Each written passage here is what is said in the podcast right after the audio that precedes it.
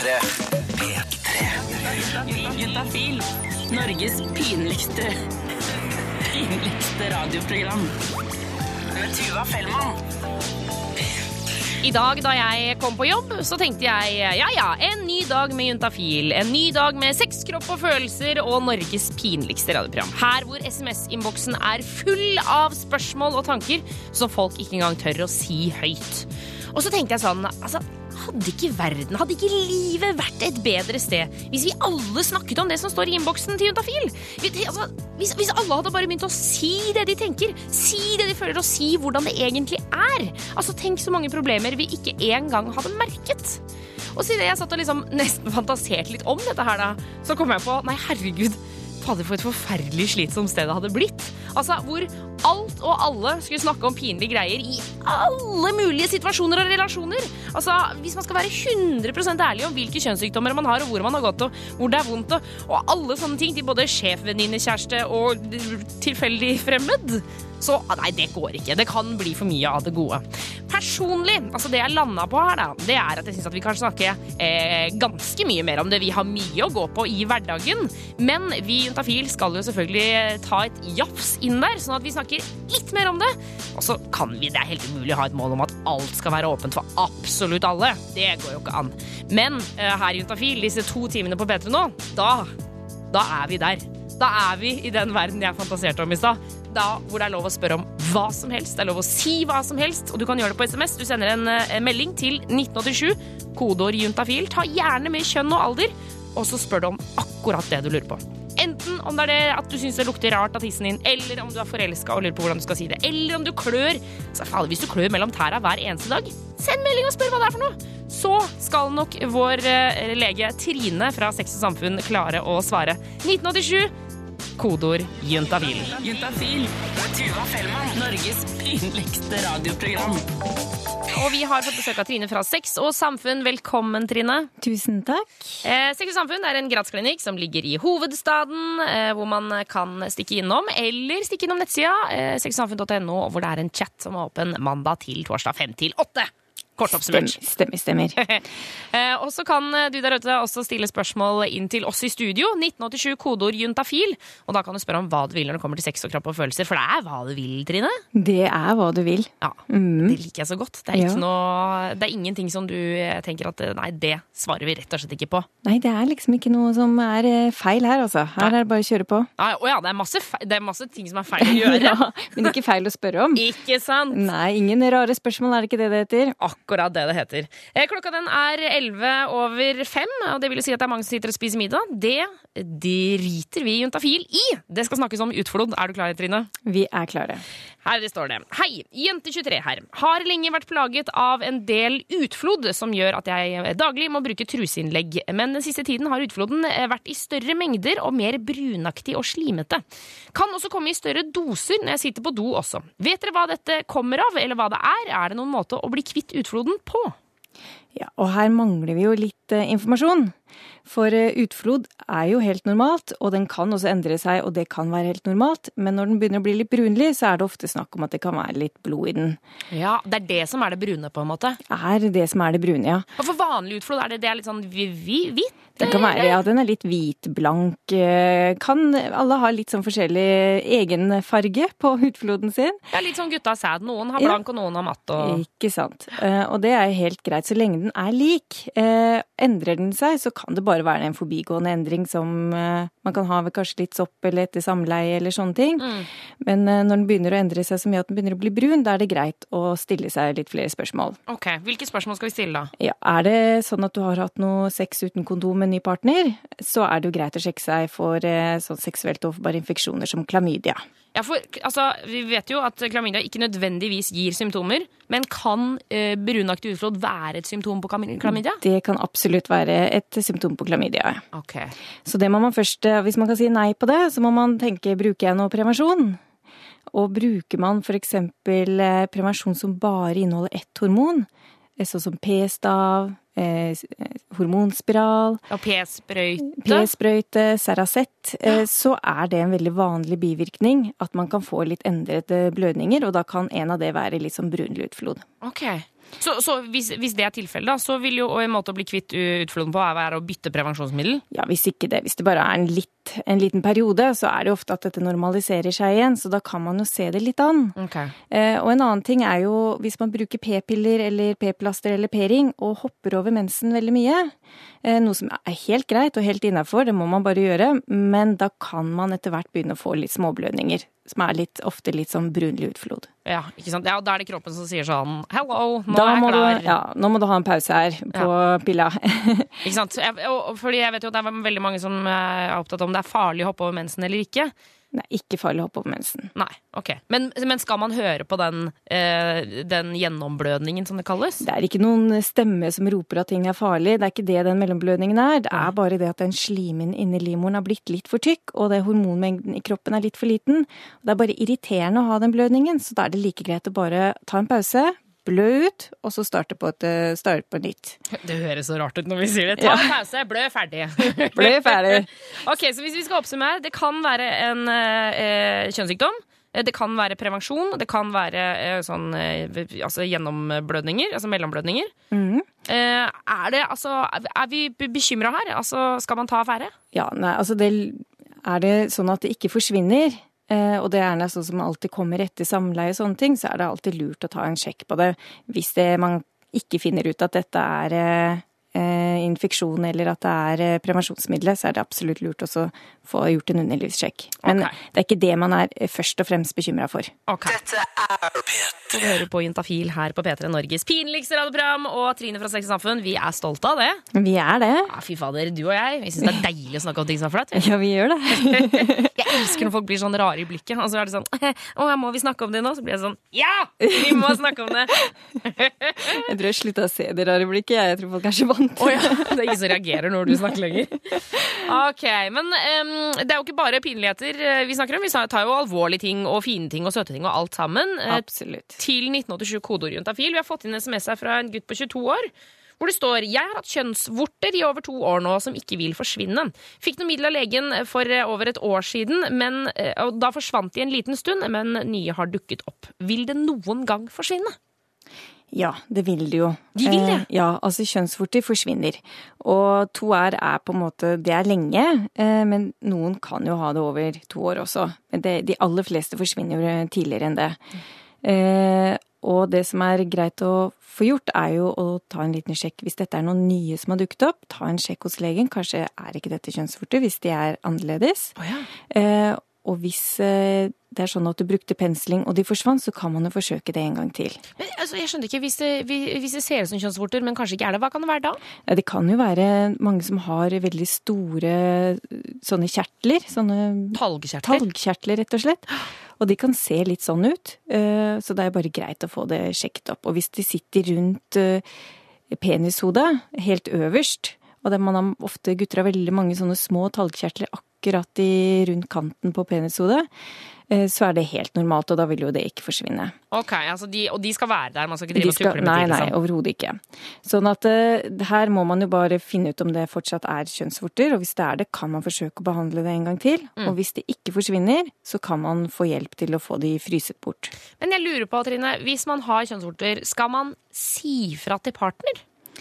Ja, det er et sånt stort spørsmål, og veldig mange som kommer inn til oss er jo veldig fortvila og lurer på hva de skal gjøre. Jeg pleier da å si at det her er jo ikke farlig. Altså synlige kjønnsvorter er overhodet ikke farlig. Det er ikke noe annerledes enn å ha en vorte på en finger. Og det er nesten umulig å ikke bli smittet med dette viruset på et eller annet tidspunkt. Og er man faste partnere, så vil mest sannsynlig partner være smittet allerede. Ikke sant? Så da må man jo ta den samtalen, og da er det jo veldig mange som ikke får noe vorter, selv om de er smitta. Eh, og hvis man da er faste partner, så er det jo noe med at da er man jo smittet begge to.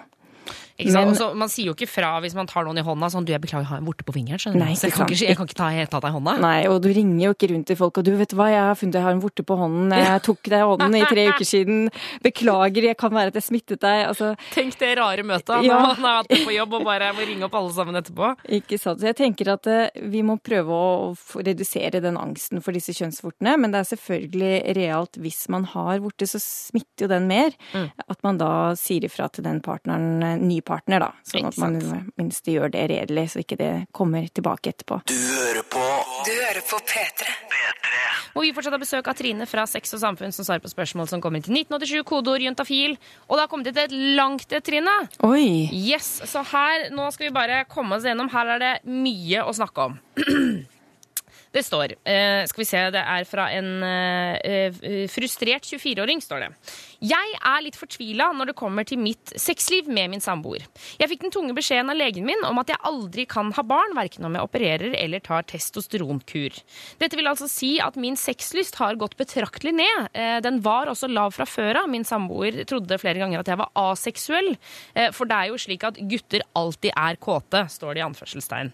Hun har alltid drømt om å få barn, mens jeg helst ikke vil. I hvert fall ikke når jeg kan få, ikke kan få mine egne.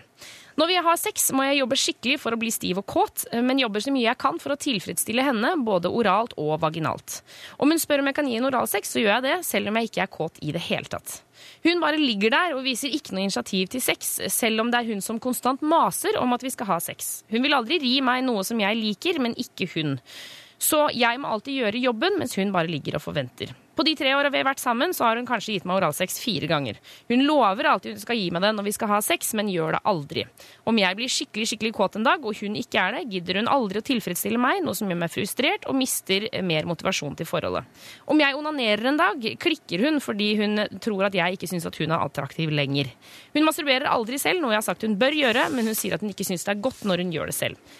Hva bør jeg si til henne? Bør jeg vurdere å legge opp hele forholdet? Ja, her var det ganske mange forskjellige problemstillinger. Ja, skal vi starte med det at han ikke kan få barn? Ja, og det tenker jeg er Det er jo en stor sorg eh, som må bearbeides. Og det er også veldig viktig hvordan det, de som par tar det. Eh, for det er jo ofte sånn at hvis det er en som ikke kan få barn, så blir på en måte den, den store skuffelsen i forholdet, på en måte. Og jeg tenker at eh, her er det kjempeviktig at man, man får god hjelp og støtte til å snakke seg gjennom det her. Ja. Ikke sant. Vi, vi, vi hadde et intervju for ikke så lenge siden med en fyr eh, som fortalte at han eh, heller ikke kunne få barn, at det var noe galt med, med hans sperm. Eh, og han snakka mye rundt det og på en måte først ikke ville ha barn i det hele tatt da. Han sa at liksom, hvis ikke det kan være mine gener, så vil jeg ikke ha det. Men så etter en viss tid så sa han at ja, men nå er jeg mer åpen for det etter å på en måte få bearbeida det litt, da. Ikke sant. Og jeg tenker at eh, det er jo et stort sjokk eh, å få en sånn beskjed. Og man må stille seg selv noen litt sånne eksistensielle spørsmål, som er et veldig vanskelig ord. Eh, Men det tenker jeg er en veldig stor del av dette problemet. Ja.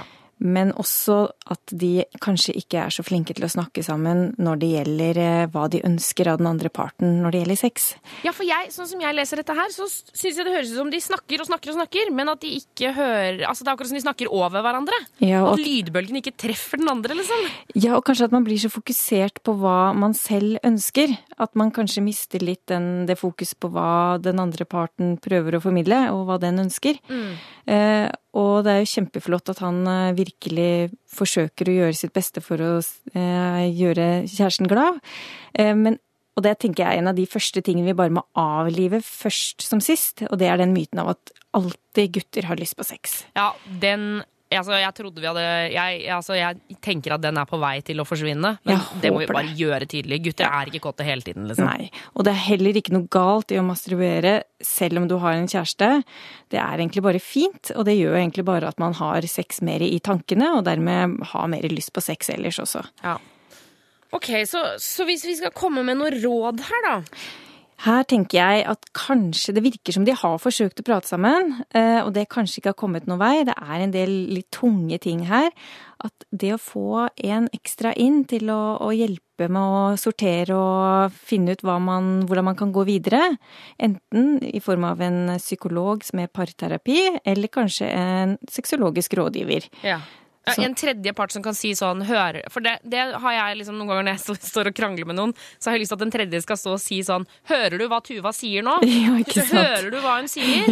Forstår, Tar du det innover deg, liksom? Ja, ikke sant? Og det er jo noe med det og at noen andre kan sette litt ord på det, og man får litt uh, følelsen av at noen faktisk hører etter. Ja. Det er veldig viktig. Og så tenker jeg også at eh, er det mye annet fint her i forholdet? Er det sånn at det ellers er superbra, så er jo dette noe som er verdt å, å jobbe noe med og kjempe for. Og så får man høre, kjenne litt etter om det er det, da. Ja, fordi jeg tenker, altså Hvis jeg skal være helt ærlig, hvis det ikke er noe annet fint her, hvis ikke det er så fint ellers, så noen ganger, av og til, så mener jeg at det må være lov å tenke at vi kan slå opp. Ja. Altså, jeg, jeg mener ikke at man skal slå opp fordi at man har dårlig sex eller lav sexlyst. Jeg mener ikke at det skal være, nødvendigvis være en grunn for å gjøre det slutt. Men hvis det er mange ting som skorter, så te, av og til så tenker jeg sånn Det er for mange mennesker som er sammen bare av vane, altså. ja. Og det er jo kanskje frykt for at man ikke kan finne noen annen. Ikke sant? Eh, Og, og, og en frykt for å ikke bli lykkelig igjen, eller for å være alene resten av livet. liksom alle de tingene der, Men så tenker jeg sånn å, det, Måle det opp mot å ha det dritt. da. Nå sier jeg ikke nødvendigvis at dette her er eh, et eksempel på det, men det å, å gå og kjenne sånn Fader, her, jeg har det egentlig bare kjipt. Det er som å ha en kjip jobb, liksom. Ja, ikke sant. Sånn at det- er det mye bra, og det er verdt å kjempe for, så er dette her kanskje veldig lett å løsne opp i ved å få hjelp. Ja. Og hvis ikke, så får man jo da vurdere om man skal gå videre. Ikke sant. Eh, masse masse lykke til eh, til denne 24-åringen. Jeg håper dette her var et eh, greit svar for deg. Eh, og så eh, Herregud, ja, jeg fikk litt vondt i magen nå. men jeg håper det går bra. Masse masse lykke til. Vi skal ta for oss flere spørsmål senere, men nå blir det Kvelertak 1985 her på P3. Dette er P3. Du hører på Juntafil. Jeg heter Tuva. Og når jeg hører ordet voldtekt, så er det flere ting jeg tenker på. Jeg tenker på det å bli tvunget til å ha sex. Jeg tenker på å bli tvunget til å gjøre ting man ikke har lyst til å gjøre. Jeg tenker på frykt og sinne, og jeg tenker på traume. Og hvis jeg skal være helt ærlig, så tenker jeg kanskje aller mest på mann og kvinne. Jeg tenker på en mann som forgriper seg på en kvinne. Enten om det er en overfallsvoldtekt, eller om det er en såkalt sovevoldtekt. Og i dag så spurte jeg meg selv, hvorfor tenker du på mann som overgriper? Hvorfor er det det som jeg tenker, hvorfor kommer det opp i hodet mitt? Og så tenkte jeg liksom, jeg tror det er fordi at det ligger allerede klart i hodet mitt når jeg hører ordet. Det, det, det kommer med en eneste gang. Det er det jeg regner med, og det er det jeg antar. Og antagelser, de er ofte feil. Det er en grunn til at det heter mørketall. Det er fordi at de er i mørket. Vi ser det ikke, og vi hører ikke om de. Em, straks så skal du treffe en mann her eh, i Juntafil som har blitt voldtatt av en kvinne. Viktor forteller sin historie straks her på P3. Dette er P3. Og det skal handle om noe alvorlig nå, eh, noe vi hører lite om, nemlig menn som blir voldtatt av kvinner. Vi skal høre en historie om en ung fyr som opplevde det som ingen skal behøve å oppleve, og var redd for å fortelle om det til andre i etterkant. Eh, Jeg hadde vært ute på eh, den lokale puben, eh, og hadde, det, hadde vært konsert der. Og jeg hadde tatt noen øl og hadde artig sammen med venner. Um, eh, Men natta før så hadde jeg sovet veldig lite, kanskje bare to timer. Så jeg var, jeg var veldig sliten, og jeg bestemte meg for å ikke prøve å oppsøke noe nachspiel. Det her er Viktor Inge. Han er 23 år gammel og bor i Kautokeino, og han slår meg som en helt gjennomsnittlig fyr. Glad i å trene, og han er politisk aktiv og sitter på Sametinget. Dette er historien om hva som skjedde etter en tur på byen i januar. Så jeg dro rett hjem. Og når jeg kom hjem, så eh, lagde jeg litt eh, mat, og eh, satte meg ned i sofaen og spiste. Og nå er Viktor Inge kraftig berusa, som han gjerne er etter en god tur på pub, og han er sliten. Og han slokner i sofaen i stua i leiligheta der han bor alene. Man trenger jo ikke akkurat å låse døra der jeg bor. Det. Eller man skulle i hvert fall ikke tro det. Det er en sånn, såpass liten plass. Uh, og da, da våkner jeg av at uh, jeg hører litt snakking. Og uh, åpner øynene, klarer så vidt å få dem opp, siden jeg var så, så trøtt. Og der ser jeg en skikkelse som står og ser på meg. Um, jeg mumler noe tilbake som jeg ikke helt klarer å huske. Eh, og så sovner jeg av igjen. Og um, jeg våkner av eh, at eh, det skjer ting. Klærne mine drar av meg, og det, det sitter Den her skikkelsen sitter oppå meg og, og, ja, voldtar meg. Det jeg tenker da, det er jo først at eh, det her er en drøm. Det et, det er et mareritt. Altså Rundt den tida så, så jeg veldig mye på Supernatural.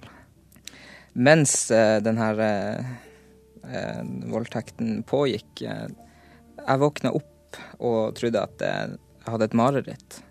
For jeg, jeg klarte ikke å se hvem det var, og hva som egentlig skjedde. Jeg trodde at det var en demon, da. Så det, jeg, jeg prøvde å se på ansiktet hvem det kunne være, men det virka som at ansiktet var, det var helt blurry.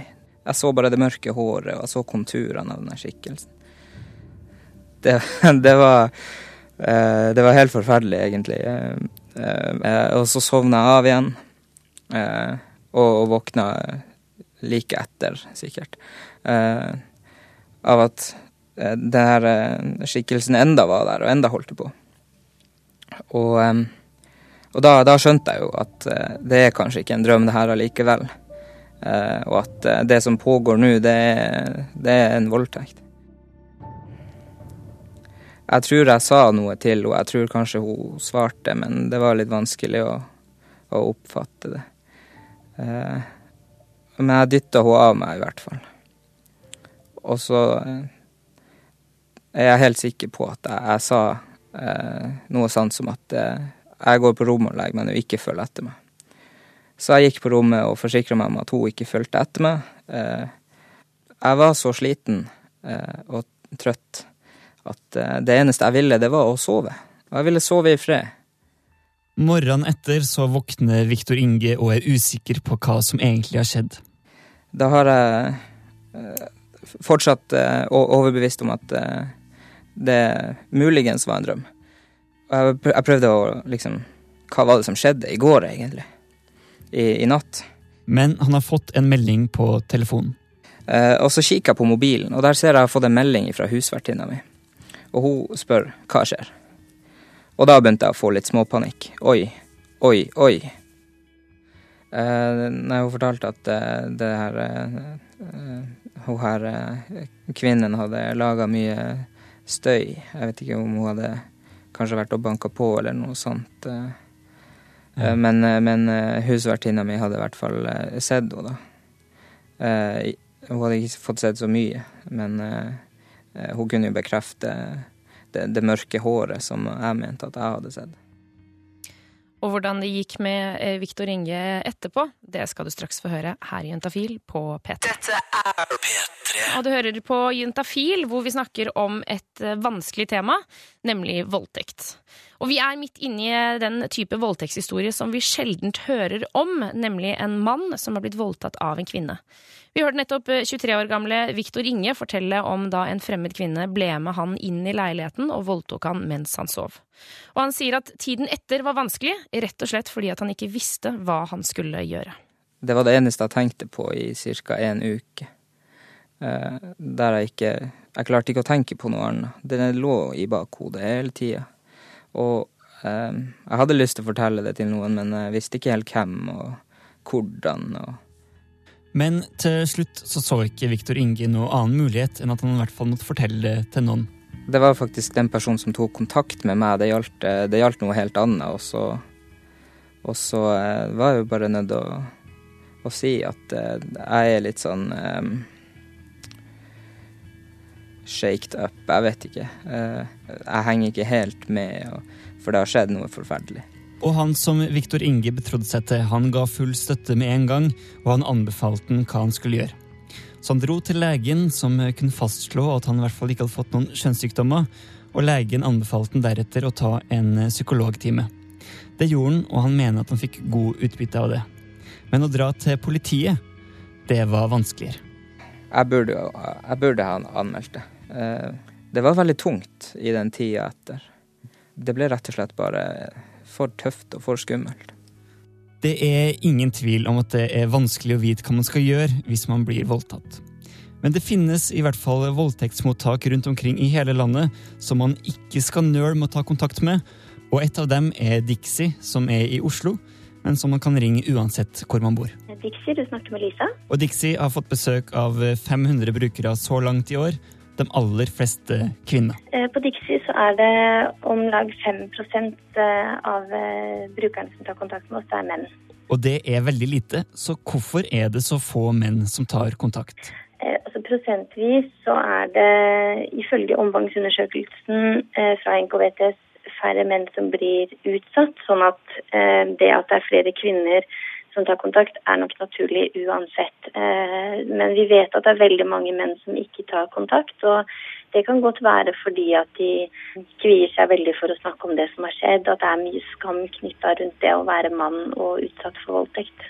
Men det jeg lurer på, hva skal man egentlig gjøre hvis man blir utsatt for voldtekt? Det eh, aller viktigste som vi anbefaler å gjøre, er å oppsøke eh, lege eller et overgrepsmottak.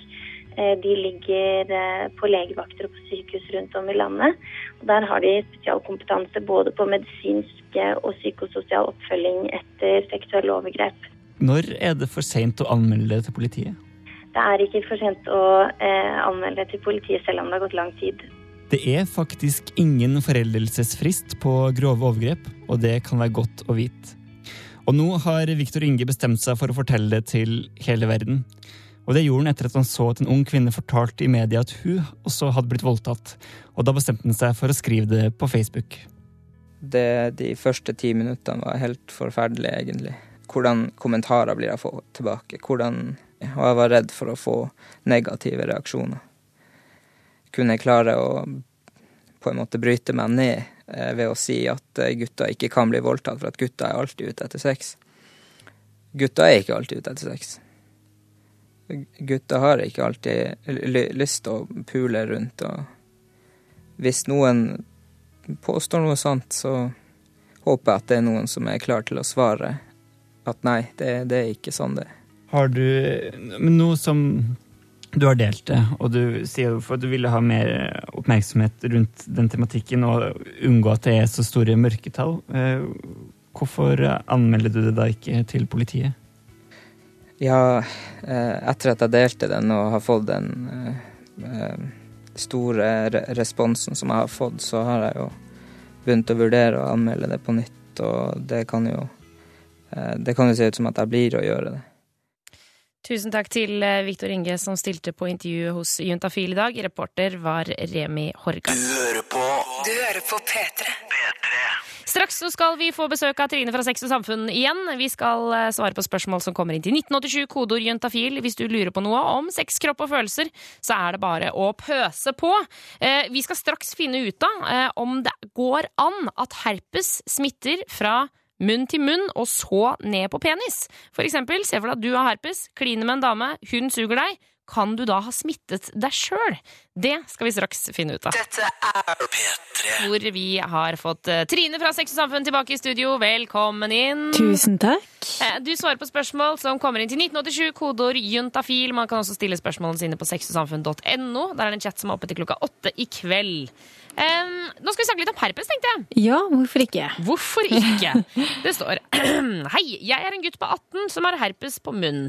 Og i går så klinte jeg med dama, og så sugde hun meg. Kan jeg ha smitta hun, og så fått det på tissen? Har nettopp fått utbrudd og, tenk, og hadde på Prolip Care. Takk skal dere ha. Ja. Og da er det jo sånn at eh, først, aller, aller første gang man har utbrudd, eh, da kan man smitte seg selv.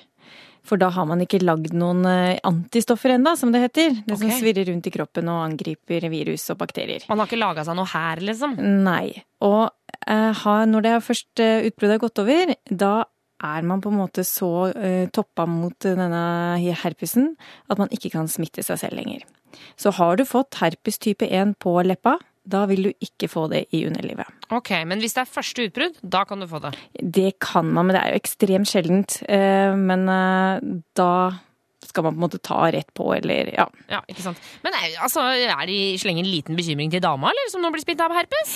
Ja, man burde jo kanskje tenke det. Oi, herpes så forferdelig. Men det her er jo ekstremt vanlig, og at sjansen for at hun dama allerede er blitt smittet med herpes, kanskje når hun eh, sugde på en spade i barnehagen når hun var tre år, oh, ja. eh, det, den er kanskje enda større. Sånn at 80% har herpes type 1 på leppa. Det er kjempevanlig. De aller fleste vet ikke at de har det. Og Nettopp. får aldri utbrudd. Og det er ikke farlig. Det er ikke farlig. Ja, for det, det, jeg har inntrykk av at det er veldig mange som blir særdeles bekymra når de skjønner at de har herpes. Ja, og det, det er et veldig sånn mye stigma rundt det å ha herpes. Så vi prøver liksom å få ned det litt, da, at dette her er så vanlig, og det er ikke farlig.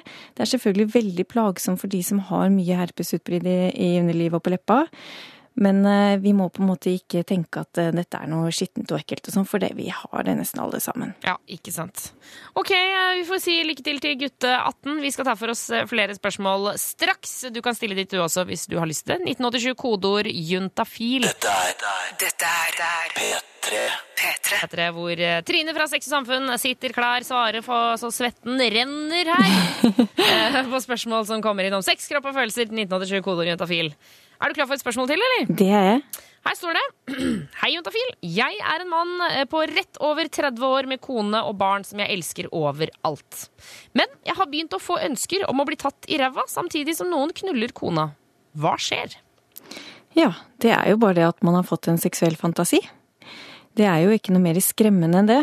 Og mange får seksuelle fantasier som man kanskje kan skamme seg litt over, og lure på om det er noe gærent med en, og om man eh, trenger noen psykolog eller sånt, for det føles eh, kanskje litt skummelt. Ja, i hvert fall når det plutselig liksom eh, altså, hvis, det, hvis det på en måte er veldig annerledes fra det du har hatt tidligere, Ikke så sant? kan man jo skvette litt av det, liksom. Absolutt. Og jeg tenker at da er det viktig å bare ta det litt piano. Eh, det her er ikke noe farlig, og det som skjer oppi hodet, det er ikke ting som er, eh, trenger å bety noe. At man har endret legning, eller at man eh, det er noe fare for forholdet, eller at dette er en fantasi som man må oppfylle. Nei. Eh, og det er jo noe med å huske på det at eh, sånne seksuelle fantasi kan jo bare være et veldig fint eh, hjelpemiddel for å ha bedre samleie. At man rett og slett kan hente fram dem når man, eh, for å bli kåt eller tent. Ja. Eh, og man trenger jo ikke alltid å leve ut fantasier, og mange fantasier er jo best som fantasier. Men hvis han får hvis han, eh, Altså, jeg tenker sånn eh, for, Jeg er veldig enig i at man trenger, det er en del ting som man kan fantasere om, og så trenger man ikke nødvendigvis å gjøre noe med det. Men si han eh, har lyst til å gjøre noe med det, da. Ja, da må han jo ha en samtale med kona si først. Ja. Og da tenker jeg, hvis de føler, han føler at de er trygge på det, og at det er helt greit, så kan man jo snakke om dette her er noe hun også syns virker spennende. Og gjør hun det, så er det en mulighet til å gjøre noe med det. Da er det tut og kjør, da. Ikke sant? For jeg tenker sånn, Da jeg så den meldingen her med mann eh, over 30 og har barn, og jeg elsker de og liksom hele den de, Altså, det at man har eh, barn, for eksempel, mener jeg at det, de skal ikke nødvendigvis skrenke inn eh, fantasimønstre, eller tenningsmønstre. Du kan fortsatt holde på å tenke og fantasere selv om du har barn. Det er jo ikke noe feil, det.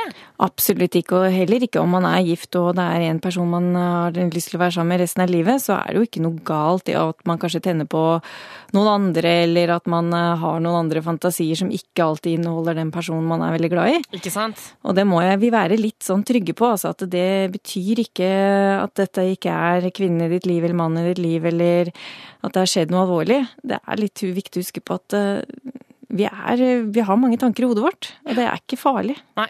Og så tenker jeg, hvis det er sånn at du eh, får lyst til å, å oppfylle denne fantasien, kanskje det er ikke sikkert at du trenger å begynne med å liksom bli tatt i ræva av noen knuller kona. Kanskje du kan liksom Kanskje du kan spørre om kona har lyst til å kline med en annen liksom, mens du ser på. Altså, det går, eller spørre kona om hun har lyst til å putte en finger opp i rumpa på deg. Altså, Det går an å ta det liksom litt ned, og så heller jobbe det litt oppover etter hvert. Ikke sant? Altså, Ufarliggjør det litt. Du trenger ikke gå rett på knulling og ræva, liksom, hvis du skjønner hva jeg mener. Ja, ja, det, Altså, begynn, begynn litt i det små, og så kan du på en måte eskalere hvis, hvis det føles rett, da. Ikke sant. Og hvis du merker, får signaler fra kona di om at dette her også er noe hun syns er spennende og gøy, og det kan man jo tenkes at um, kanskje kvinner også syns virker spennende, så det er jo ikke sånn at uh, dette bare er noe som han kan ha i hodet sitt. Det er ikke noe umulighet, liksom. Nei, Men så er det jo sånn som vi alltid sier, at idet du foreslår noe, så må du også være forberedt på å få et nei.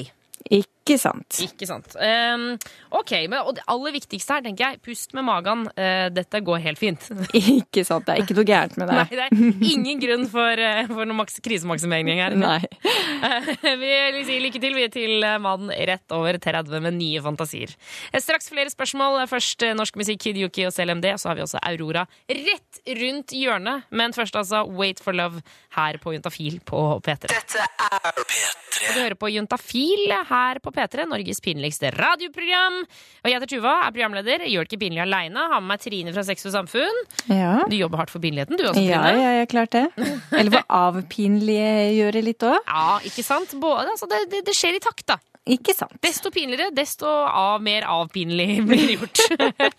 Eh, Vi har fått en SMS her fra eh, Jente23, hvor det står Hvor uhygienisk er det egentlig å suge pikk? Har vært sammen med kjæresten, eh, kjæresten min i snart seks år, og tør ikke fordi jeg er redd for å bli syk.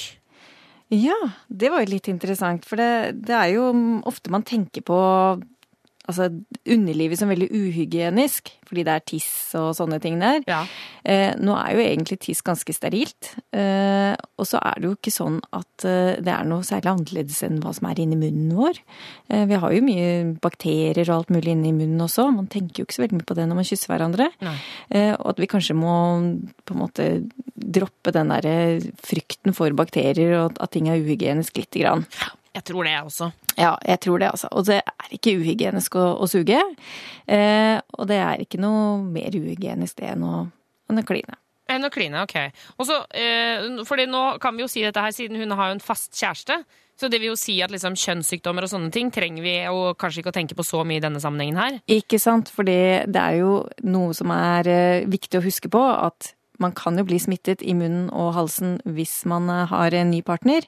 Så da er det jo alltid lurt å bruke kondom også når man har oralsex. Men her er det jo en person som har vært sammen med noen i seks år, så da er det jo ikke noe å være redd for. Nei. Hvis man er veldig stressa, så kan man bare spørre om kanskje partneren kan gå og vaske seg først. Hvis man syns det er veldig skummelt. Å, det hadde jeg. Da hadde jeg blitt litt øh, Å, hadde blitt uggen, ja. Oi, Det kan ja, være at oi, han oi. blir veldig glad, da. Ja, det kan hende, altså, men uh, man skal være litt forsiktig med sånn Du, jeg kan suge deg, men faen, gå og dusj først, da. Men jeg har lyst til å si en ting her til Jente23. Altså, Hvis dette handler om at uh, du faktisk er redd for bakteriene og at det er uhygienisk, så er det bare å legge fra seg. Men er det, altså, sånn, er det det at du egentlig ikke har lyst til å suge pikk, så trenger man jo ikke å gjøre det. Nei, Men ikke jeg, sant? jeg blir sånn, er- Ligger det noe under her? For Hvis ikke det ligger noe annet under, så er det bare å legge det fra seg. Da er det bare å suge i vei hvis du er keen på det. liksom. Ja, ikke sant. Og jeg tenker at eh, det er det som er eh, helt greit å Vi må tenke på bakterier som noe som er rundt oss hele tiden. Vi må ikke være så redd for eh, at man skal få noen bakterier og at det er ting er ekkelt og uff og æsj. Men har man ikke lyst, så har man ikke lyst. Nei, ikke sant. Men, og, og hvis du kjenner på at du har litt lyst da å, å klare å legge dette med bakteriene til side så- tre, så, Som vi snakket litt om i stad også, du trenger ikke å hoppe inn i det. Du må ikke suge i liksom 20 minutter. Du kan jo prøve å begynne å bare kysse, for eksempel. Kysse liksom litt rundt på tissen, på magen og på lårene, liksom, sånn at man starter litt rolig. Du må liksom ikke hoppe fra tieren med en gang. Nei, ikke sant. Og man må jo liksom ikke forvente at eh, man skal eh, gi gutten en orgasme der og da når man eh, gjør det første gang. Det er jo veldig mange gutter som syns det bare er fint å bli tatt på også. Ikke sant. Lykke til, jente 23. Jeg trenger ikke å tenke på dette med hygiene. Du hører på Du hører på P3. P3. Og jeg tenkte at eh, du som sitter der ute, eh, og du som sitter der borte, og du som sitter der borte, alle vi sitter jo på en haug med kunnskap eh, om sex, kropp og følelser. Vi sitter på masse erfaring og tips og triks, og så tenkte jeg pokker heller, kan vi ikke dele dette her? Jeg har eh, masse kondomer, jeg har P3-T-skjorte og jeg har en eh, P3-drikkeflaske. Hvis du deler ditt eh, sextips med meg, eh, så jeg, eh, skal jeg trekke ut en, en vinner av en deilig kondom-P3-pakke. 1987 kodeord juntafil. Jeg har lyst til å høre dine konkrete sextips. Ting du gjør, så kanskje det kan være små ting eh, som gjør at sexen blir bedre. For eksempel eh, Jeg leste Hvor var det der? Kvinner og klær, lurer jeg på om det var. Hvor jeg leste at eh, før du skal gå ned på en gutt, så kan du prøve å blåse varm luft inn i boksershortsen. Altså bare inni der. At det skulle, liksom, det skulle gjøre det helt maksimalt, da. Eh, og så er det jo eksempel det å kysse på øret, eller det å Kanskje du har et eller annet punkt på kroppen som du alltid er innom. Eh, så har jeg veldig lyst til å høre om det. 1987, kodeord eh, juntafil. Fortell meg og gi meg ditt sextips. Og så blir det altså en som stikker av med T-skjorte, drikkeflaske og en haug med kondomer. Så send inn 1987, kodeord juntafil. Fortell meg ditt sextips, og så kan vi alle sammen få bedre sex samtidig. Det er ikke det, altså. Er ikke det topp? Dette er Dette er P3. Hvor jeg har bedt om eh, sextips eh, på SMS til 1987, kodeord juntafil. Altså små ting eh, når man har seg som kan gjøre opplevelsen mye, mye bedre. Og det har, altså, jeg er imponert. Det har rent inn. Jeg lovte jo at jeg skulle dele ut en T-skjorte, drikkeflaske og en haug med kondomer til en av dere. Eh, Men jeg må bare jobbe meg gjennom et par SMS-er her. Eh, For eksempel eh, så er det mm, en som skriver her, ja, til alle jenter, eventuelt gutter, når dere suger, ikke bruk tenner. Den er jo på en måte en, en klassiker. Og så er det en som skriver suge og bite ballene er en favoritt. Samt ta et mintdrops før BJ. Ja, jeg, altså, jeg, jeg er ikke Ja, ok. Jeg, jeg, blir litt sånn, jeg blir alltid litt usikker når man, tar liksom noe veldig sterkt i munnen før man skal ned på noe veldig, sånn, veldig ømfintlig område. Um, men altså, ja, det, det, det er din greie. Og så er det Jente24 som skriver 'ha sex i dusjen mens man har mensen'. Mindre søl fremdeles godt. Det er ikke dumt. Og så skal vi se her nå, da. Ja, det er flere som skriver med dette med mintdrops i munnen. Er det kanskje bare jeg som er skeptisk til det? Dette skal vi finne ut av med Trine etterpå, om det er, eh, om det er greit å gjøre eller ikke. Jeg er litt redd for at det så det kommer sånn, altså, At man skal være så forsiktig det, med, med å ha på en måte ikke kjemikalier, men du skjønner hva jeg mener, i underlivet. Men, men dette skal vi finne ut av. Dette skal vi, vi skal frem til. Jeg tenker at Den eh, som stikker av med premien i dag, er en SMS hvor det står Dette høres kanskje veldig simpelt ut, men det å se partneren dypt inn i øynene og holde blikket der noen sekunder lengre enn det man gjør til vanlig, det er mitt beste tips. Da er man 100% til stede, og alt handler om det øyeblikket akkurat nå. Og jeg, altså jeg må bare, Det er jeg ganske enig i.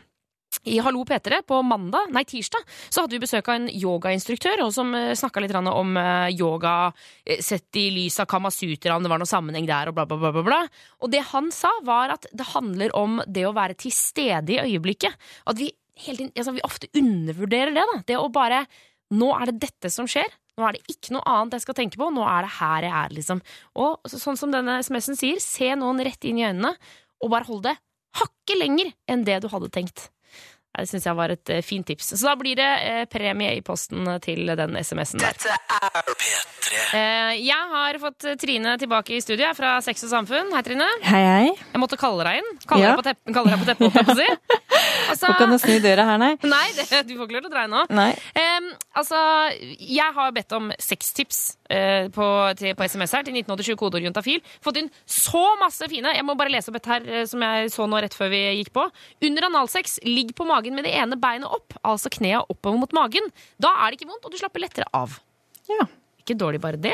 Nei. Eh, også, men så hva er det altså flere som har eh, sendt inn melding og skrevet om å ta et mintdrops før en blowjob. Eh, skal vi se om jeg finner en uh, Ja, vent da. Sterk mintdrops i munnen ved utføring av oralsex på mannen. For mannen sin del skal dette være digg og få en forfriskende smak for jenta. Ja, det. Men jeg blir så nervøs, Trine! Det er jo så tynn hud, og mint er så sterkt. Og... Ja, og det, det er klart at eh, det er jo ikke sikkert ikke alle som syns at det er behagelig. Så her må man jo være litt forsiktig og ikke bare stappe inn masse TikTok eller hva det nå er eh, som er sterke min før man setter i gang. Nei. Eh, og kanskje være litt obs. Eh, og jeg har jo også hørt om noen som har blandet eukalyptusoljen sin med glide, glideoljen sin og hatt det i underlivet, og det var ikke noe ubehagelig. Så jeg tror man eh, Det er jo ikke noe galt hvis det ikke svir eller gjør vondt, eh, men man kan kanskje ta det litt forsiktig i starten og se om man får noen reaksjon på det. Ja. For det er jo ikke noe godt hvis det plutselig begynner å svi veldig. Men, eh, Men det er ikke noe farlig som jeg trodde. Nei, altså det er jo, huden der er jo ikke helt porøs, da. Den nei. tåler lite grann. men man skal, ja, ja, man skal jo ta, man skal jo ha litt respekt for slimhinnene sine, men det går nok greit å, å ha litt eh, mintdrops i munnen. Det skal nok gå fint. Ok, Jeg ser flere også har sendt inn eh, melding om en isbit i munnen. eh, kan også fungere. Ja. Da er du jo helt kald inni kjeften, holdt jeg på å si. Ja, ikke sant. Det er sikkert mange som syns det er veldig spennende ny følelse. Det blir jo en helt annen sensasjon. Ikke sant. Du, Vi har fått inn et spørsmål her som jeg fniste litt av i starten, eh, men som jeg skjønner nå at jeg må ta litt mer på alvor. Hvor det står Hei, Utafil, Vi er to gutter på vei hjem fra bandøving og har en liten diskusjon på gang. Han ene mener at det går an å få tenner og hår inni vagina, mens han andre mener at det ikke går. Kan dere være så snill å gi oss et svar på dette her, så diskusjonen tar ende? Ja, eh, Man kan ikke få det inn i skjeden. Men eh, Er det kan- menn her?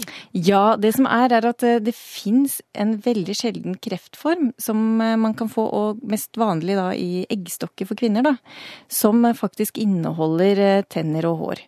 Det er en, noe som heter teratom, og det er veldig sjeldent. Okay. Men, men det kan jo være at det, er, at det kommet opp som et eller annet tema en eller annen gang. Og så har man da blandet det litt med underliv og hår og tenner, og at det plutselig har blitt en veldig sånn skummel eh, sammenheng, da. Okay. Men, eh, Så vanlige jenter kan altså, Eller ikke vanlige jenter, men Nei. generelt så kan man ikke få Nei, og det her kommer ikke inn i skjeden heller. Dette er jo inne i eggstokker, og det er jo ikke et sted hvor penis er og besøker. Nei, ok, så, så Jeg ble litt fnist av dette her nå, for, men altså, så det, går, det går ikke an. Nei. Med mindre det er noe helt spesielt. Ja, ikke sant. Og da, det er jo litt morsomt, for det er jo Når jeg drev med seksualundervisning før, så var det sånn, spurte vi alltid om eh, navn på kvinnelig kjønnsorgan. Eh, Og det var jo ofte bare sånn fitta og høna og alt dette her. Men det var det en som sa glufsa. Ja, Ja, glufsa, det var liksom et bra navn på det kvinnelige kjønnsorgan. Og da kanskje det har spinnet litt rundt dette med glufsa, da. At det at det, jeg tenk, men fordi jeg, dette synes jeg er rart, jeg tenker ikke på tenner når jeg hører glufse. Jeg sier også slufse. Ja. Men da folk klikker jo i vinkel når jeg sier det. For de synes det er bare helt sånn Åh, nei, det er det ekleste du vet om. Men ja, vi får ha en navndiskusjon eh, en gang. Det må vi ha, tror jeg. Eh, Trine fra Sex Samfunn, tusen tusen takk for at du kom innom Juntafil i dag. Jo, tusen takk for at jeg fikk være her. Hør flere podkaster på nrk.no podkast. P3.